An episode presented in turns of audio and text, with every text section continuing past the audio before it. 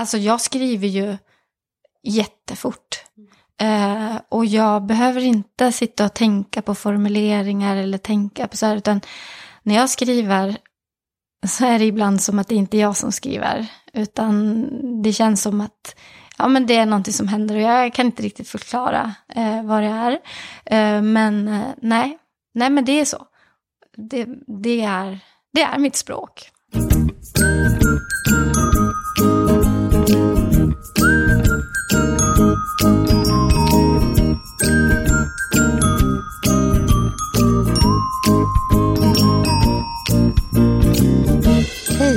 Och välkomna till ett nytt avsnitt om det skrivande livet.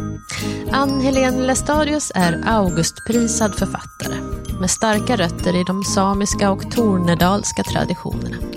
Hon skriver om identitet och tillhörighet och lyckan, men också svårigheterna att tillhöra två eller flera kulturer. Vad har man för rätt att skriva om de sårbara? Var har hon fått sitt sprängfyllda poetiska språk ifrån? Och vad har egentligen städning med hennes skrivande att göra?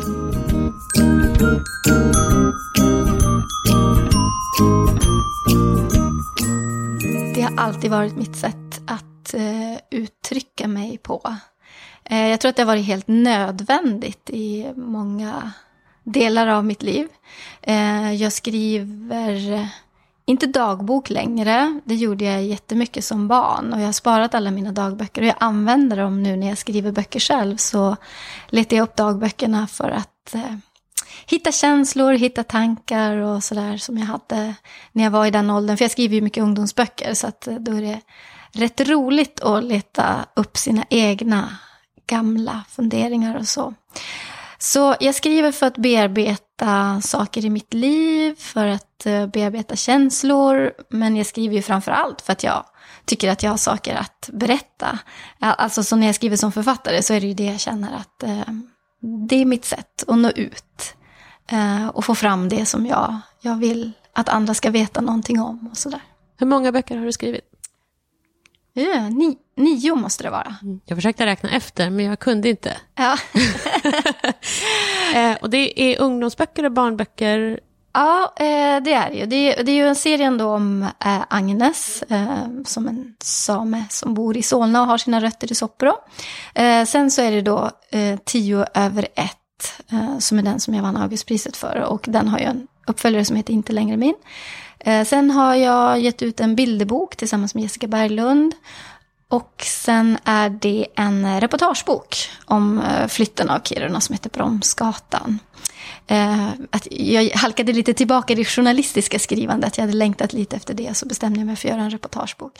Och sen har jag skrivit en lättläst bok också som heter Bara dra. Jag eh, läste ju den nu innan vi träffades. Eh, och det där med lättläst för du sa så här, men den kommer du läsa på en timme. Men ditt språk är ju så fantastiskt. Så jag var liksom tvungen, jag kunde läsa så här två rader och sen var jag tvungen att gå ett varv i lägenheten. eller runt kvarteret och gå ut med hunden. Så att jag hann inte klart. För att det var, den är så sprängfylld um, i sitt språk. Mm. Alltså det där, bara det är så fascinerande. Alltså hur, vad, har du, vad har du fått ditt språk ifrån? Det är så poetiskt samtidigt som det är alltså naturvetenskapligt nästan. Alltså det är någon mix där och otroligt, um, otroligt vackert. Oj. Vad har du fått ditt språk ifrån tror du? Mm. Ja, ibland när jag skriver, och särskilt när jag skrev Bara dra, och den kommentaren har jag fått, att en del uppfattar det som jag skriver, att den har lite känslan av en jojk. Ehm, det här korta och det här lite kärnfulla kanske ibland och, och lite poetiska som du säger ibland. Eh, och det blev jag så oerhört glad över när, när jag fick höra det. För det är nog kanske, alltså jag hoppas ju och tror att det är någonting med de här språken som jag har haft runt omkring mig som jag inte har fått, både samiskan och meänkielin. Och de har en viss speciell känsla och en rytm som jag inte jag kan ju inte prata på det språket, men jag har rytmen någonstans. Och så tror jag att jag kanske överför den när jag skriver på svenska. Uh, och sen så är det ju alla de här berättelserna som jag har hört sedan jag var barn. Alla fantastiska historier eh, som min mamma har berättat och som andra släktingar har berättat om, om hur det var att växa upp eh, som renskötare och vara ute på fjället. Och det har varit övernaturliga berättelser, kanske för en del, helt naturliga för oss. eh, men jag, jag, tror att det är många olika saker. Och själv, ibland så blir jag så förvånad när folk, särskilt med bara dra, att folk var så här, gud, alltså det här språket och så.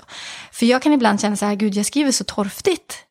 Eh, kan här, alltså för, eh, när jag läser vissa författare och de är, åh, de är, folk säger så, åh, de är sådana stilister och de har sånt språk och då blir jag så här, ah, det där är så där, så där skriver ju inte jag, utan jag skriver på ett helt annat sätt. Och då blir jag så glad när folk eh, ser någonting annat. Eh, mm. Så jag blir väldigt, väldigt glad. Men du menar på något sätt att det, det är ingenting du går och jobbar med, utan det, det, det är ett språk som du bara har i dig? Mm. Mm. Verkligen. Alltså jag skriver ju jättefort. Eh, och jag behöver inte sitta och tänka på formuleringar eller tänka på så här, utan när jag skriver så är det ibland som att det inte är jag som skriver, utan det känns som att ja, men det är någonting som händer och jag kan inte riktigt förklara eh, vad det är.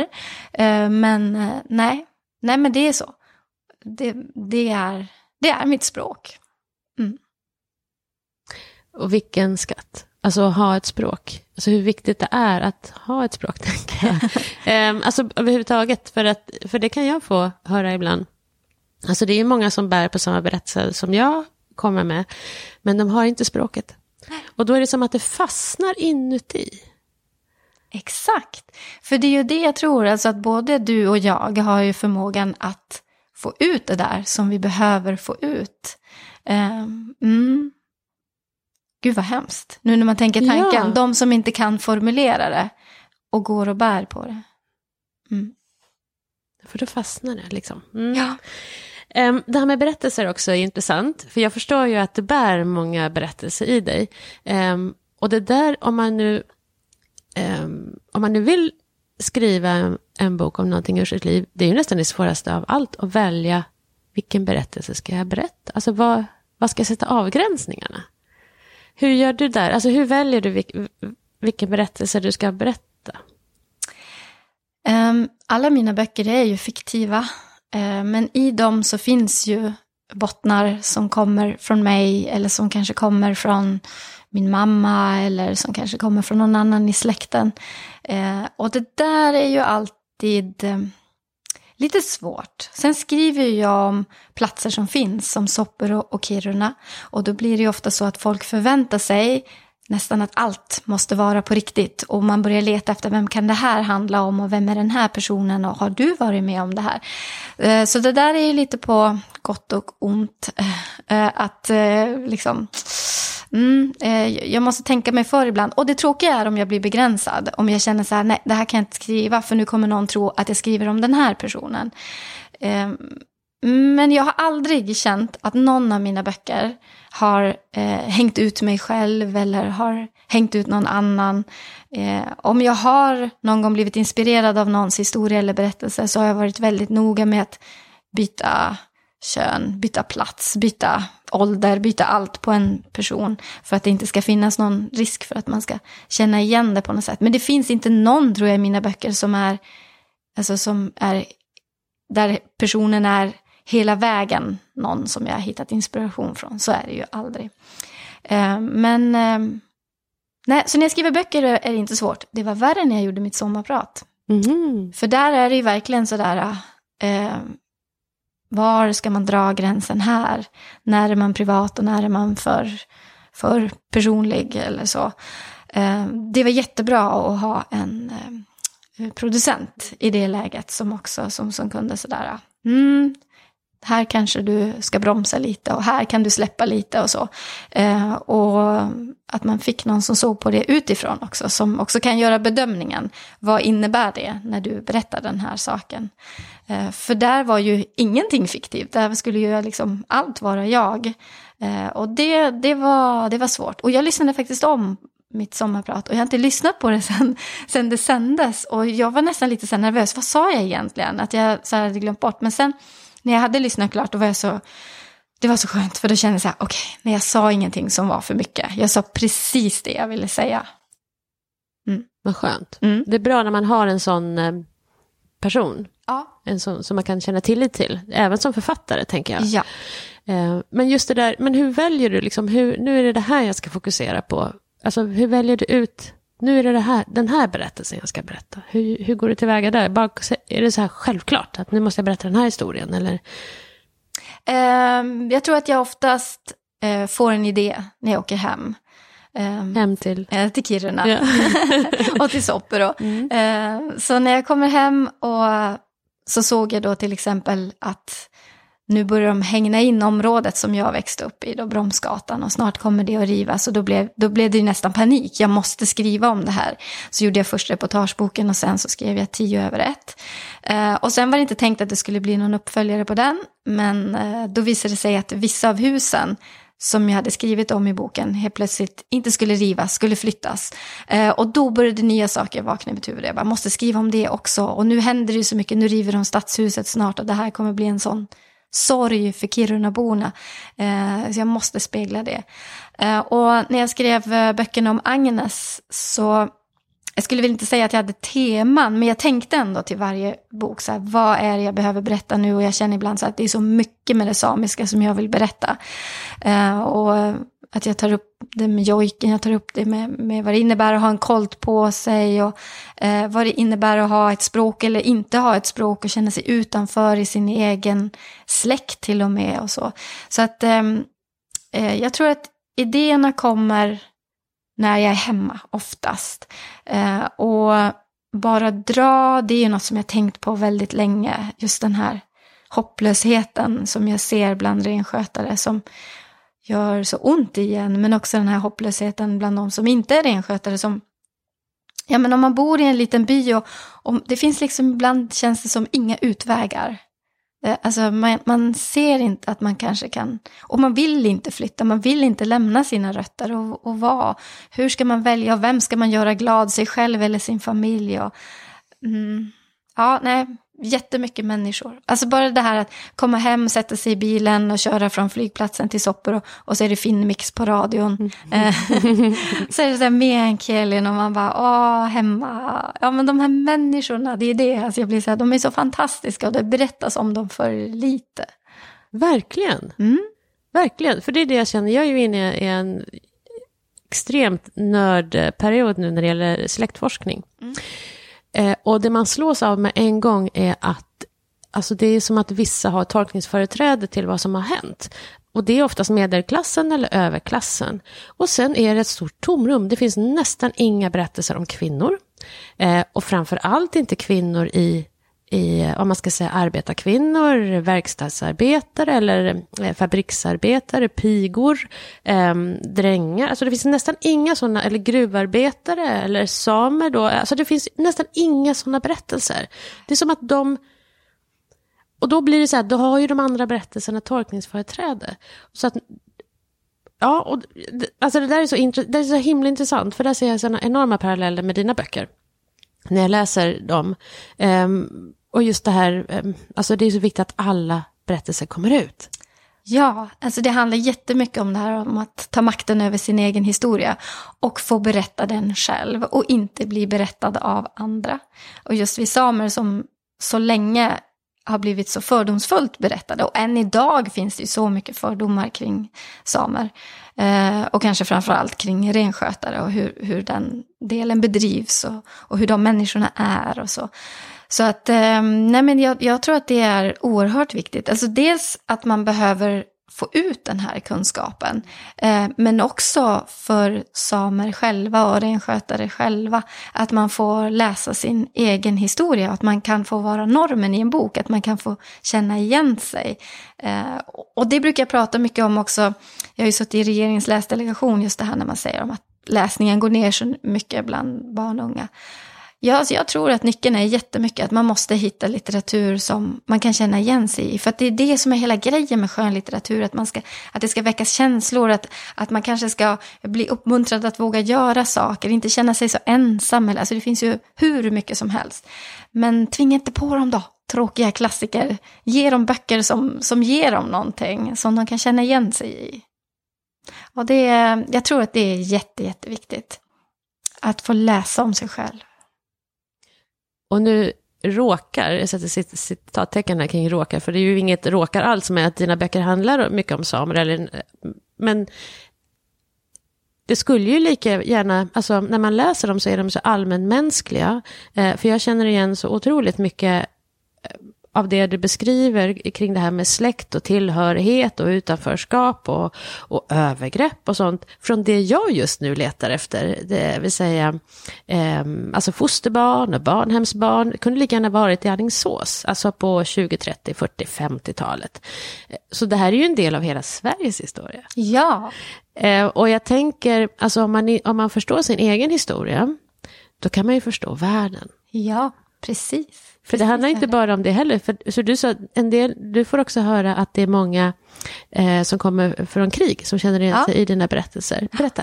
Jo, men jag är ju ofta ute i skolor och föreläser. Eh, och då är det ju många barn som kan känna igen sig i det här. Hur viktig ens plats är eller förlusten av en plats och så. Eh, och det är klart att det går ju aldrig riktigt att jämföra en, en rivning av en stad som Kiruna med ett krig. Men ändå den här känslan av att, att man förlorar någonting som man är så, eh, som ens identitet är så tätt förknippad med.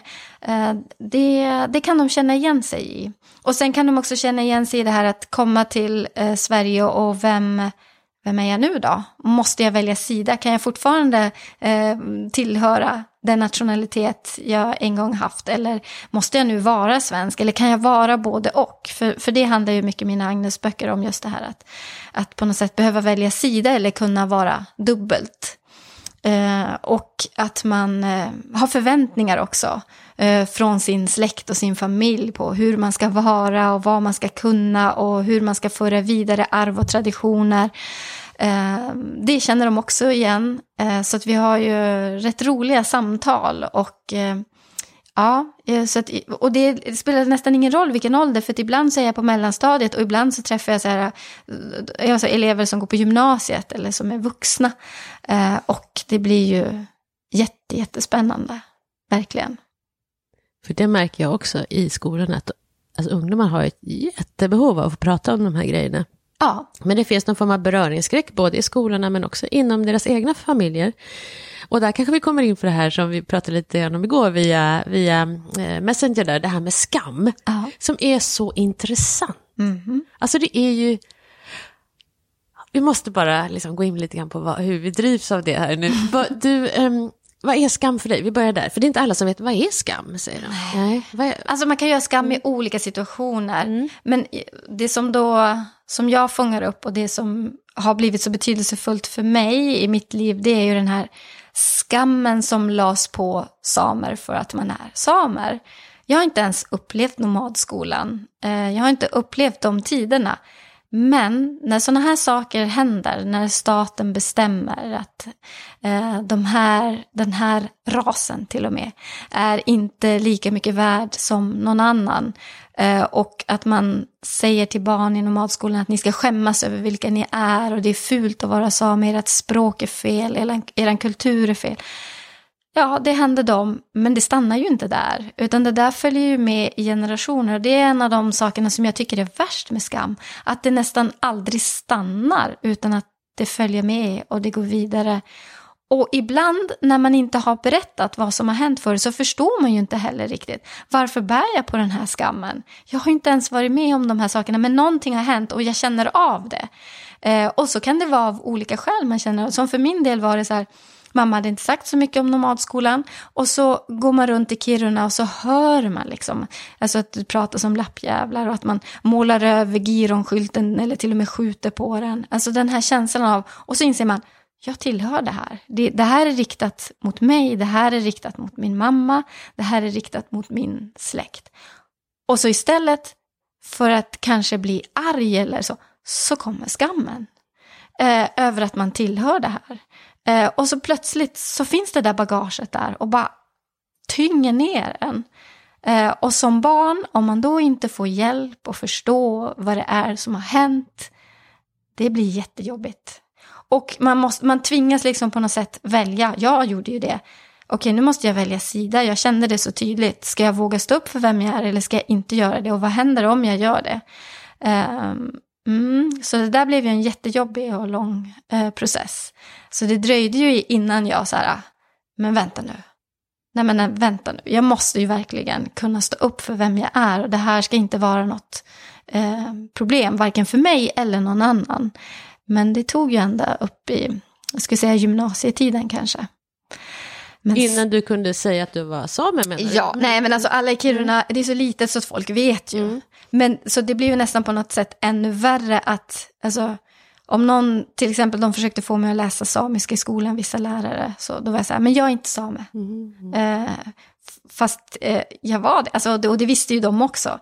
Men att jag på något sätt här, kände att jag måste markera jättetydligt. Eh, och sen är ju det också att, eh, jag menar, när man är i tonåren, så där, man vill vara som alla andra, man vill inte sticka ut. Vill, så det handlade ju om det också, att det var så viktigt att, att, att vara eh, som alla andra. Men eh, nej, det där är, det är hemskt. Mm. Ja, det, lägger sig som en, en slags tvångströja, mm. tycker jag, skammen. Mm. Alltså den, ja. den liksom bakbinder den på så många sätt som man inte när man nu vill uttrycka sig, när, när det är en sån människa man är, att man vill uttrycka sig språkligt eller musikaliskt eller vad det är. Eh, och det här tänker jag också är så intressant, för där är vi också lika, att vi, har, vi blev ju journalister. Mm. Mm. Och, och, och jag kan ju tycka att det är en skön grej, för att när jag då får höra att det här får man inte, alltså här är, här är ett hemligt skåp som inte du får gå in i, då måste jag ju absolut gå in där. och jag går ju inte in då, då, då blir ju liksom journalistiken som ett, eh, ett verktyg. Då liksom förlorar jag lite grann skammen och blir mer nyfiken. Mm. Varför får man inte gå in där? Vad är det för någonting i det mm. där skåpet? Mm. Och då använder man ju de här eh, journalistiska redskapen. Alltså både man går in i vad finns det för arkiv, vad finns det för... Eh, liksom, för mycket är ju sådana här, som du säger, så här alltså, berättelser där man anar grejer. Det är ju inga så här fakta på bordet, utan det är mer att den här berättelsen har vi inom familjen. Eh, och sen är det någon annan som har, kanske har en annan berättelse som inte alls är exakt likadan. Och då mm. kan det vara så skönt att veta, alltså vad, vad vet vi? Vad, vad har vi för fakta? Eh, och, och, visst jobbar du så också? Som, eh, visst, eller har det varit så? Det är en ledande fråga.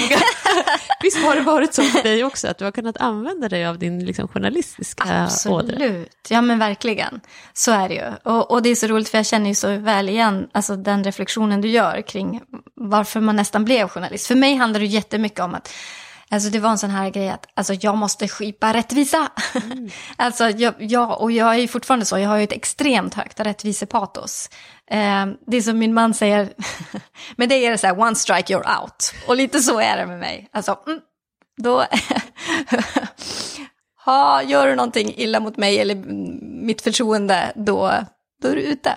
Eh, och, eh, ja, nej, men, och, och jag kände så med journalistiken också, att här har jag en möjlighet. Och jag började ju skriva jättemycket om samer. Och det var ju första gången också som jag dessutom då råkade ut för att bli kallad för lappjävel och att folk kom och sa dumma saker till mig. För att jag så eh, liksom öppet sa att ah, nej, samer behöver ta mer plats här i Norrländska Socialdemokraten. Eh, och så började jag skriva om dem. Och det, alltså jag var ändå lite oförberedd på de reaktionerna som jag faktiskt fick. Att, att hur upprörande folk tyckte att det var. Eh, men såklart, och den här delen har jag använt, alltså den journalistiska sidan, Alltså dels rent praktiskt, att ibland intervjuar jag människor och så får jag mm, idéer till, till böcker eller någon karaktär i någon bok. Men också just det här att eh, känslan av att gräva ner sig i någonting, att göra research, att, att öppna på de här dörrarna och att skriva om de här sakerna som man inte har velat prata om.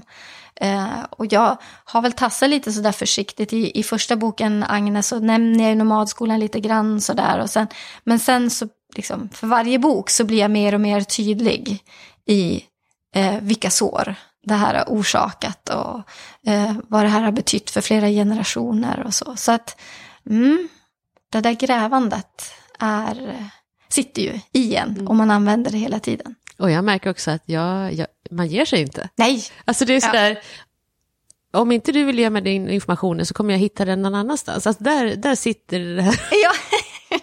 ja, men precis. Alltså, och, och den där tillfredsställelsen när man hittar och när man får rätt och när man ja, faktiskt sätter dit någon. Alltså fast man gör inte det själv, men alltså att någon annan konfronterar någon annan och man bara, där var det. Där var felet. Nu kan vi ställa någonting till rätta. Jag tror att det är det det handlar om också, att vilja mm. ställa saker och ting till rätta.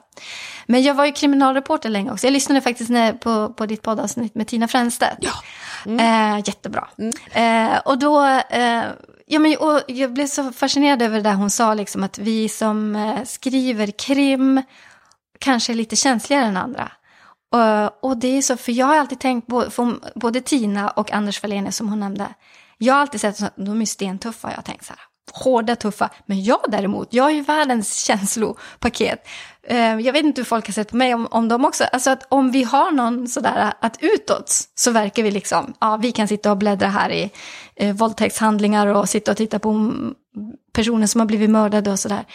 Men det visade sig till slut att det kunde jag ju inte alls. Alltså, när jag sen förstod hur mycket det här hade påverkat mig eh, och jag var tvungen, jag fick barn helt enkelt. Mm. Och det var då det bara, nej, jag, jag kan inte längre, det, det, det går inte. Eh, men, eh, men det är ju intressant just det hon sa, att det är kanske precis det, alltså våran känslighet som finns där som gör att man, man är lämpad att skriva om de här sakerna. Men till slut blir det, i alla fall för mig, blev det bara för mycket, för svårt just det där är en kärnpunkt också tror jag när det gäller varför man skriver. Ehm, det som jag håller på nu är ju att jag ehm, intervjuade människor i ett helt annat sammanhang om hur våld eh, och övergrepp har påverkat dem, apropå metoo, eh, och Brinn för Josefin. Och då insåg jag ju på de här eh, kvinnorna som det var, starka kvinnor, oerhört liksom, företagsamma, duktiga, framgångsrika kvinnor, hur det här har påverkat liksom, hela deras liv. Mm. Eh, fast de aldrig har pratat om det, eller kanske just därför. Eh, och jag tänker också på, och då blev jag, då fick jag ta ett så här omtake på min historia, min mamma, min mormor, min mormors mor. Eh, och alltså hur påverkas vi av övergrepp? Eh, för det förändrar ju hur vi är. Alltså ja. det förändrar på riktigt hur vi är eh, i själen. Mm.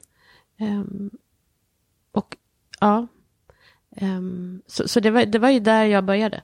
Men, men då är det en sak som jag tycker är intressant nu då, om jag hoppar lite grann här. Mm. För det är ju så jag är. Eh, men det är också därför, det här motståndet man möter på då, när man liksom, man, nu ska, jag är här och jag ska skriva den här boken, liksom, jag ska dit. Eh, men då kommer man ju liksom, alltid Eh, så fort det bränner till lite så möter man ju på motstånd. Och det kan ju låta väldigt eh, olika. Det kan ju vara, eh, man ska inte riva i gamla sår, eller sår, de där gamla såren. Eh, du ska inte göra ont värre. Eh, folk mår redan så dåligt, tänk på det. Mm. Men sen är det här, äsch, nu ska vi se framåt. eller? Nu ska vi ja. leva nu. Ja. Men, hur hanterar du det när du, ja. när du gräver liksom, fram berättelser? Sådär, nu ska vi se framåt. Mm. Det där får jag höra ibland. Eh, för alltså vissa samer är ju så här, vi ska inte hålla på och gräva i det, det gamla. Vi måste liksom, nu måste vi framåt och vi måste se vad som har hänt. Och det, det gör inget gott att hålla på och vältra sig i det där hela tiden. Eh, och på ett sätt så har de ju rätt i att vi måste se framåt, vi måste eh, se vad som har hänt och vad vi kan göra ännu bättre. Men jag tror att det är jätteviktigt just det här att man måste kunna sin historia. Man måste förstå varför man nu, om man nu har de här känslorna av skam eller utanförskap eller vad det nu än må vara. Man måste förstå vad är det som har hänt som gör att jag känner så här, vad är det som har följt med. Ehm, men sen är det ju också jätteviktigt med framtiden och, och det som jag ser som jag också försöker få med i mina böcker. Visst, jag berättar att det finns en tragisk historia av eh, förtryck och övergrepp mot samer. Men det finns också ett hopp i dagens unga, eh, som ju är något helt annat än när jag växte upp. Alltså de är ju, men de är i sina koltar och de pratar samiska och de, de står för vilka de är på ett helt annat sätt än vad man kunde göra när jag växte upp på 70 80-talet. Och det är ju så roligt. Och det är ju där någonstans som jag ser såklart en förändring. Eh, att det kanske är nu det börjar brytas det här, att man, man kanske äntligen inte plockar på sig den där tunga ryggsäcken av skam som har gått i generationer, utan att man kanske nu börjar ta klivet eh, framåt. Eh, och där tror jag just att kulturen och litteratur och film har gjort jättemycket eh, för att vända den här utvecklingen.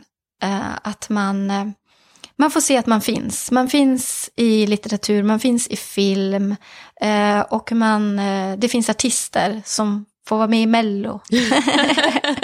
får vara med, det låter så dumt. Varför skulle de Ja. inte liksom? men, men som eh, Jon Henrik har ju gjort jättemycket. För att när jag började vara ute i skolorna för tio år sedan och prata om samer och sådär. Då visste eleverna väldigt sällan vad en jojk är. Och så tack vare Jon Henrik så vet alla idag vad en jojk är. Jag behöver inte förklara, jag behöver inte spela upp någonting. Utan de vet. Och bara en sån sak. Alltså jag tror att kulturen har haft en jättestor och viktig genomslagskraft. Så att, och jag försöker hitta någon slags mellanväg. Jag, är nog fortfarande inte helt klar med att gräva i det förflutna i mina böcker. Just nu håller jag på att skriva på min första roman för vuxna. Eh, och där är jag ju nu och petar i jätte, jättemånga sår och jobbigheter. Eh, och eh, har väl kanske aldrig varit så nervös för en bok som den här. Eh, därför att jag skriver om renskötare. Och ehm, ja, har jag rätt att göra det? Jag är ju inte renskötare själv. Eh, min morfar eh, var det. Eh, morbröder och kusiner har varit och är det. Så att vi har ju det. Men det är ju inte, jag är ju inte uppvuxen med det. Så eh, då är det lite känsligt. Men eh, historierna kring människorna kan jag ju fortfarande berätta. Eh, sen att jag saknar kanske detaljkunskapen kring hur renskötsel bedrivs. Det är väl, Eh, och det är väl mest det jag är rädd för. Att folk kommer säga mm, så gör vi inte och det där lassot, nej och så funkar det inte och så. Men ja, jag kommer ha folk som kommer faktagranska allting så att jag hoppas att det inte blir något problem. Men, men det är ändå det där att eh, nu ska jag berätta en historia som inte riktigt är min. Alla mina tidigare böcker så har jag haft någon slags anknytning. Jag har inte behövt kanske gräva så djupt och så långt ifrån mig själv.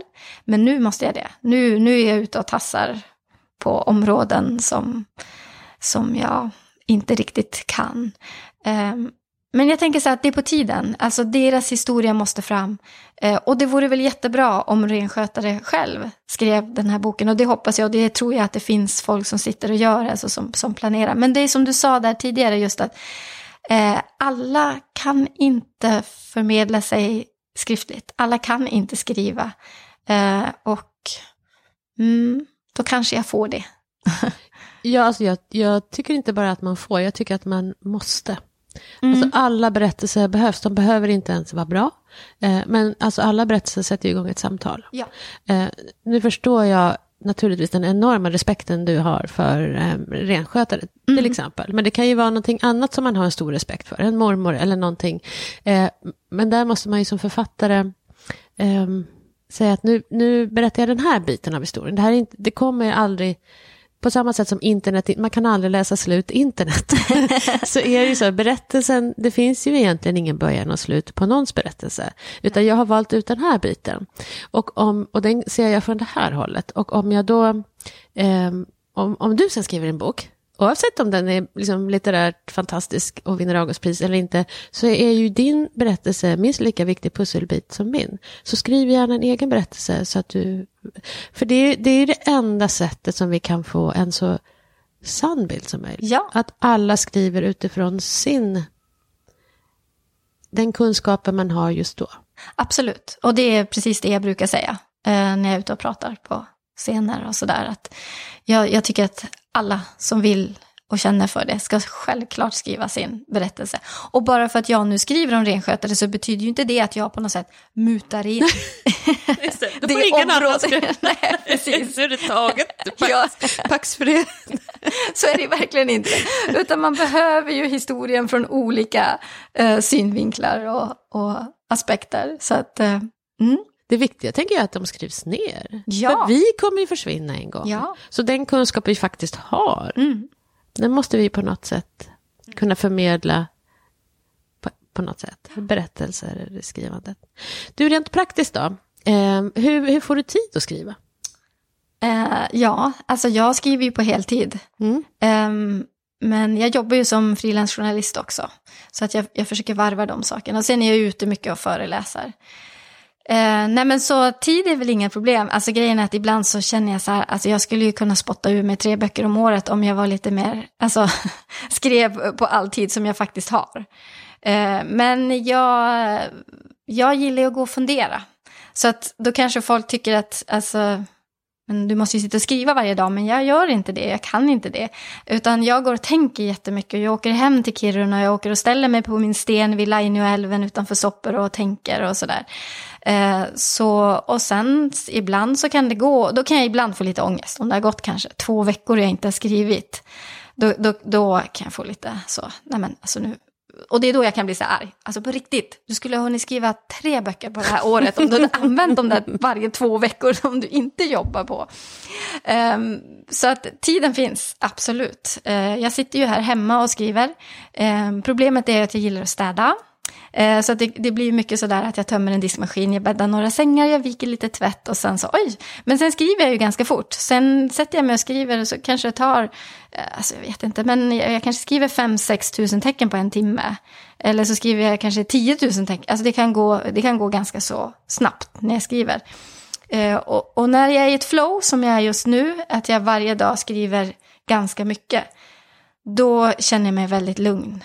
Eh, och att jag är inne i historien. För det är just det som också är problemet med de här funderingstiderna. Att om jag går omkring i två veckor och tänker så tappar man ju lite tonen. Och så när man börjar skriva, det ser jag ju ibland, särskilt nu på den här, att jag har en helt annan ton. För att nu har det gått för lång tid, det är inte bra. Så egentligen så borde jag försöka vara lite mer disciplinerad. Och så skriva, eh, som jag gör nu, ändå försöker nu. Nu är jag i ett flow här och nu, nu försöker jag verkligen vara eh, skriva. Men eh, Ja, alltså egentligen alltså rent ekonomiskt om jag hade velat ha, ha, mer pengar så skulle jag behöva skriva fortare och producera fler böcker än vad jag gör. Men för mig är det så viktigt att det känns rätt och att det känns bra, det som jag släpper ifrån mig. Och ibland måste det ta tid. Men alltså jag har ju skrivit, jag menar sms från Sopra skrev jag på två veckor, inte längre min skrev jag på två månader. Så jag kan ju eh, skriva så fort om jag vill. Men eh, Eh, det blir inte bra, tycker jag. I mitt huvud blir det inte bra. Eh, alltså jag, jag måste känna mig helt nöjd. Um, mm. Men har du så här rutiner att klockan, att, um, att du går och sätter dig framför datorn vid ett visst klockslag, så här nio? Mm. Eller har du liksom mutat in mellan nio och två så har jag min skrivtid? Ja, jag skriver bäst på förmiddagen. Mm. Eh, så att jag gör så, först måste jag beta av eh, mail känner jag. För att annars sitter jag och tänker hela tiden, nu har jag, har jag svarat på den här jobbförfrågan eller sådär. Så först börjar jag morgonen med att beta av alla mail som har kommit. Eh, och sen måste jag kolla Insta, Facebook. alla nyhetssidor. Nej, nej, nej, nej. nej. Uh, jo, för då har jag gjort det. Ja, så var det färdigt. Uh, och sen så uh, författaren Kristina Valdén och jag, vi skriver till varandra varje dag på Messenger. Så himla bra. Alltså vi bollar så mycket skrivande och andra tankar och funderingar kring det vi gör. Och det är också så här, det är jättebra så, okej, okay, nu, nu har vi skrivit till varandra och nu, nu. Och sen är allt det färdigt. Gud, kan inte det bli en bok? Alltså ja. bara era brevskrivning. Alltså det har jag tänkt på ibland. Ja. Fast ibland så skriver så här, bara, så brukar vi verkligen säga, gud tänk om någon skulle läsa de här sakerna. Ja, just det vill man ju läsa. ja. Du kan skriva X då. ja, precis. Författaren X. Ja. ja men på riktigt, ja. det vore ju jätteroligt. Så här. Ja. Jag tänker på Astrid Lindgren. Precis, vi, vi, får spara dem och se, se mm. vad det blir av det. Nej men så när jag har gjort det, då börjar min skrivtid. Och då kanske klockan är runt 9-10. Sen skriver jag fram till klockan 12, sen äter jag lunch, sen går jag ut och promenerar eh, och sen kommer jag tillbaka hit och så gör jag lite övningar som jag behöver för min nacke och rygg så att jag ska orka jobba. Eh, och sen sätter jag mig och läser högt, det som jag har skrivit på förmiddagen eh, för att se om det låter bra. Och gör det det så kan jag ibland vara helt lugn med att då har jag gjort det jag behöver idag. Eh, är det inte så, då skriver jag några timmar till.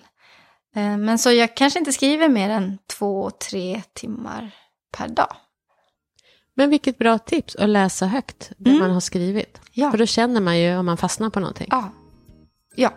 Istället för att vänta och läsa allting högt när man är färdig. Alltså läsa 300 sidor, alltså det är, det är för jobbigt. Men att gå tillbaka och läsa eh, de senaste kanske två eller tre kapitlen som jag fick ur mig på morgonen. De, de läser jag högt. Tack Ann-Helén för att du skriver om dem som har varit osynliga så länge. Och tack för ditt tålamod med oss som inte alltid förstår.